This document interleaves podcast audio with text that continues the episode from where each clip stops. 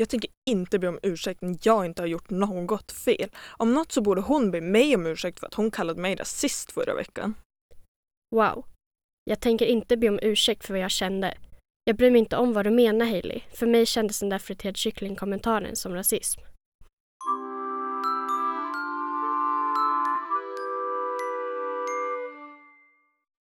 Välkommen till Bokhörnan. Det är jag som är Lisa. Och det är jag som är Moa. Idag så ska vi prata om The Hate to Give av Angie Thomas. Och glöm inte att ni kommer bli spoilade. The Hate to Give handlar om 16-åriga Star från Garden Heights i Amerika. Och boken börjar med att Star befinner sig på en fest i kvarteret. Och där på festen så stöter hon på sin barndomskompis Khalil. Och eh, det blir senare bråk på den här festen så de två bestämmer sig för att ge sig av. Och eh, de sätter sig tillsammans i Khalils bil och åker iväg. Och medan de åkte så blir de stoppade av polisen. Eh, Stars pappa har lärt henne att hon ska hålla, alltså om hon blir stoppad av polisen så ska hon liksom hålla händerna var de kan se dem och liksom hålla koll, kolla på, vad heter det, nummerbrickan på Mm. polisen. Jo men precis, Star har hela tiden fått lära sig olika försiktighetsåtgärder som man ska ta när man stöter på en polis, vilket egentligen är helt sjukt. Men anledningen är att Star är mörkhyad och just i Amerika och många andra länder så är det ett väldigt stort problem med att polisen felaktigt ger sig på mörkhyade människor. Ja, och på den här biten så Khalil blir utdragen av bilen och, och, och, eh, och han ska kolla senare för polisen skulle gå och kolla någonting och eh, han går för att fråga om Star är okej Mm. och blir sedan skjuten av den här polisen. Den, tre gånger i ryggen tre tror jag. gånger tror jag.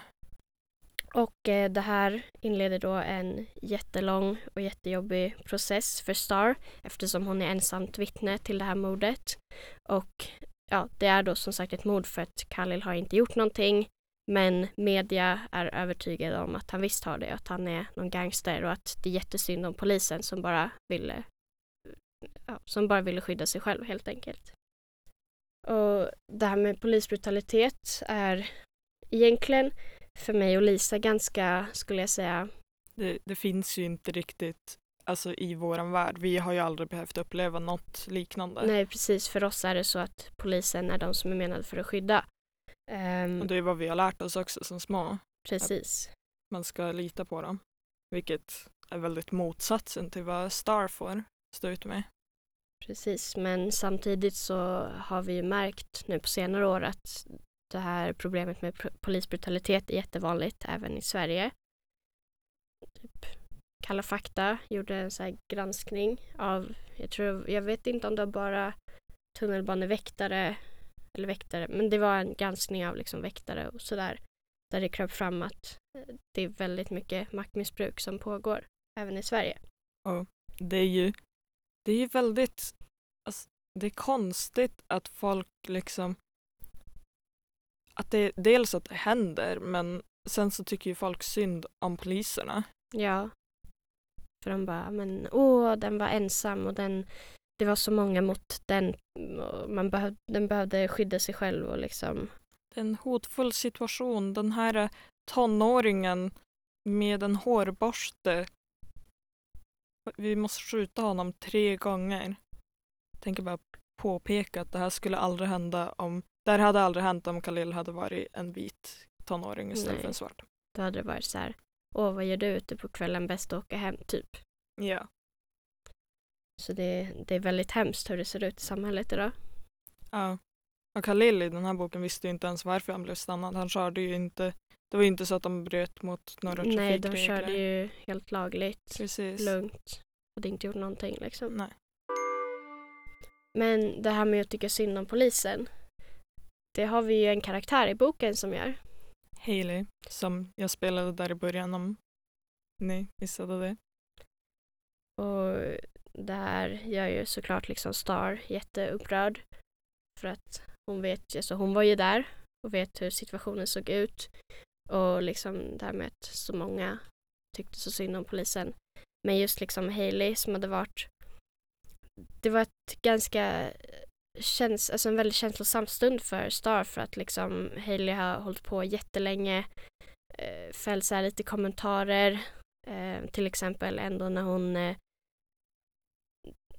det var någonting om kyckling Friterad kyckling. friterad kyckling Det var den vi läste. Ja, jag kommer inte ihåg vad kommentaren var precis just nu.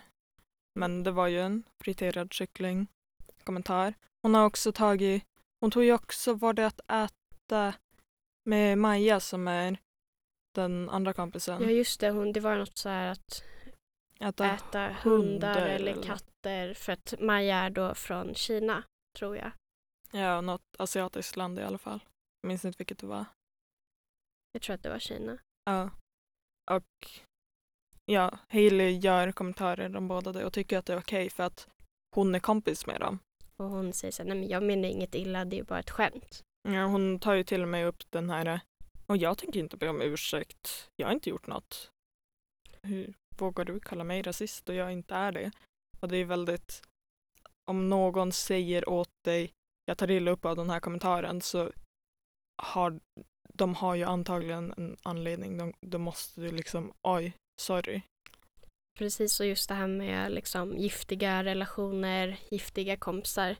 Det är, liksom, det är väldigt många som råkar ut för det och det är så himla viktigt att man om man känner av att man är i en sån relation att man försöker att antingen säga ifrån liksom att det här är inte okej och hoppas på att den ändrar sig eller helt enkelt bara dumpa dem. Ja, cut the ties med människorna. Blocka dem om du kan. Precis.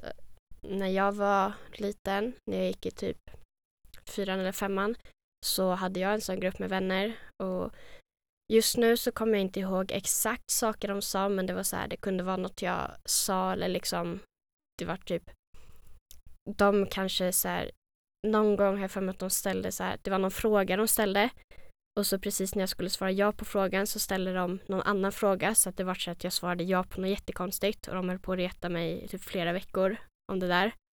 Och jag mådde så himla dåligt när jag var med dem. Det var liksom de kunde påpeka att men du hade ju den där tröjan på dig igår, varför är den på dig idag? Eller liksom det var så här jättemånga grejer eh, och jag mådde jättedåligt när jag var med dem.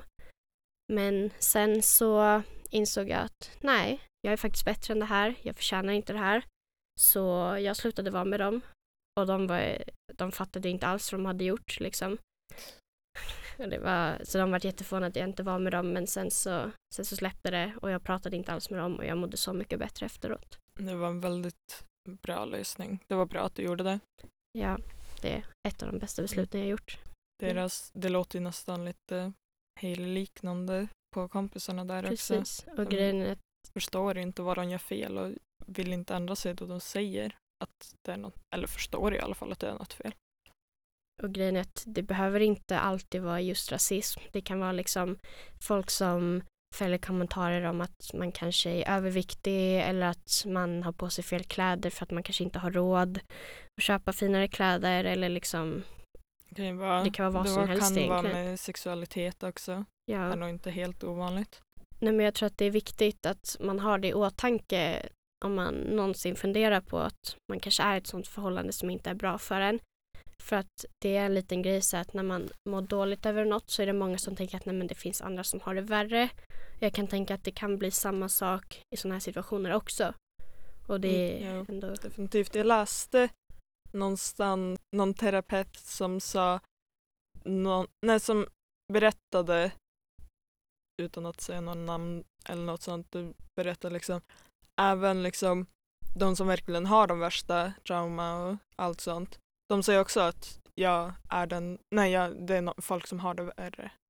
man måste tänka på det att alltid när det är något som inte känns bra så är det förmodligen något som inte är bra. Du Mm. måste liksom göra någonting åt det. Precis. Man kan inte heller alltid vänta på att det ska bli bättre. Saker blir bättre efter ett tag. Men ibland så måste man starta det här, eh, göra det bättre. Jag vet inte vad jag ska kalla vägen. Att typ få det bättre, någonting som man ofta måste starta själv. Jag tror, alltså jag förstår att folk kan vara rädda för att man kan tro att men det här är de enda kompisarna jag har. Det är ingen annan som kommer gilla mig, det är fel på mig. Men grejen är att det finns så många människor här i världen och så många som älskar dig för den du är. Och det är liksom, alltså man hittar nya vänner oavsett om det är i verkligheten eller på nätet som för övrigt är ett jättebra sätt att hitta vänner på. Lyssna inte på era föräldrar. Hitta bara, ni vet, folk som ändå är bra personer. Men poängen är att du kommer hitta nya vänner och det kommer bli jättebra. Det är ingen som bara hittar vänner en enda gång i livet. Tror jag det, inte. det kommer in folk i ens liv liksom. Ibland så är väntade ställen, typ skola. Jag kan ju säga att när det kommer till att skaffa vänner i alla fall, att när jag kom till min gymnasieskola som jag går just nu, jag och Moa går på, eh, så blev det jag var väldigt orolig för jag gjorde en väldigt lång flytt ner hit och jag var orolig liksom vad händer om jag inte får några vänner, vad händer om ingen gillar mig här, vad kommer hända då? För man vill inte, om man gör en så här lång flytt så vill man inte heller liksom fara tillbaka och bara, ja ah, det funkade inte. Nej, precis. För det är ju väldigt liksom, man lägger ner väldigt mycket på det. Men det blev ju, det tog ju inte ens typ två skoldagar innan vi hade ändå liksom kompisar som man liksom kunde prata med och det kommer lösa sig liksom. Ja, precis. Och om det inte är i skolan så kanske på andra sätt och vis. Nej men det kände jag också lite för att jag flyttade inte för att börja gymnasiet men jag började i en skola där jag inte kände någon och det var ingen som liksom jag kände ingen helt enkelt. Um, och jag var också så här jätterädd. Jag var för att jag kände att men jag har så himla bra vänner nu. Kommer jag någonsin kunna hitta något som känns lika bra? Och sådär. Men man gör det ofta. Alltså speciellt liksom gymnasiet. Om man går något som man gillar så hittar man andra som gillar samma saker. Du hittade mig. är det så att man verkligen vill ha kompisar just i skolan så är det alltid så att typ prata med någon lärare, se om ni kan dra igång en bokklubb eller något. För att böcker är ett utmärkt sätt att hitta kompisar på.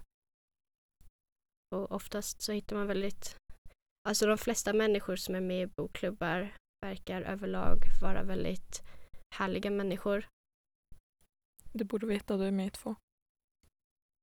Jag har varit med i tre. så ja, men alla människor jag har sett på i bokklubbar är i alla fall väldigt härliga människor. Jag har bara varit med i en och det är två personer som är med i den. Utom jag. ja, men annars är det också så här, kolla på om du har något lokalt bibliotek. Det brukar finnas bokklubbar där. Eller bara gå dit, häng lite, se om du hittar någon cool människa. Prata med bibliotekarierna, de är oftast jättetrevliga de också. Ja. Men huvudsaken är i alla fall att det löser sig. Var inte rädd för att kattetajs med folk som får dig att må dåligt. Precis. Det kommer inte bli bättre av att du är med folk som inte gör någonting bra för dig.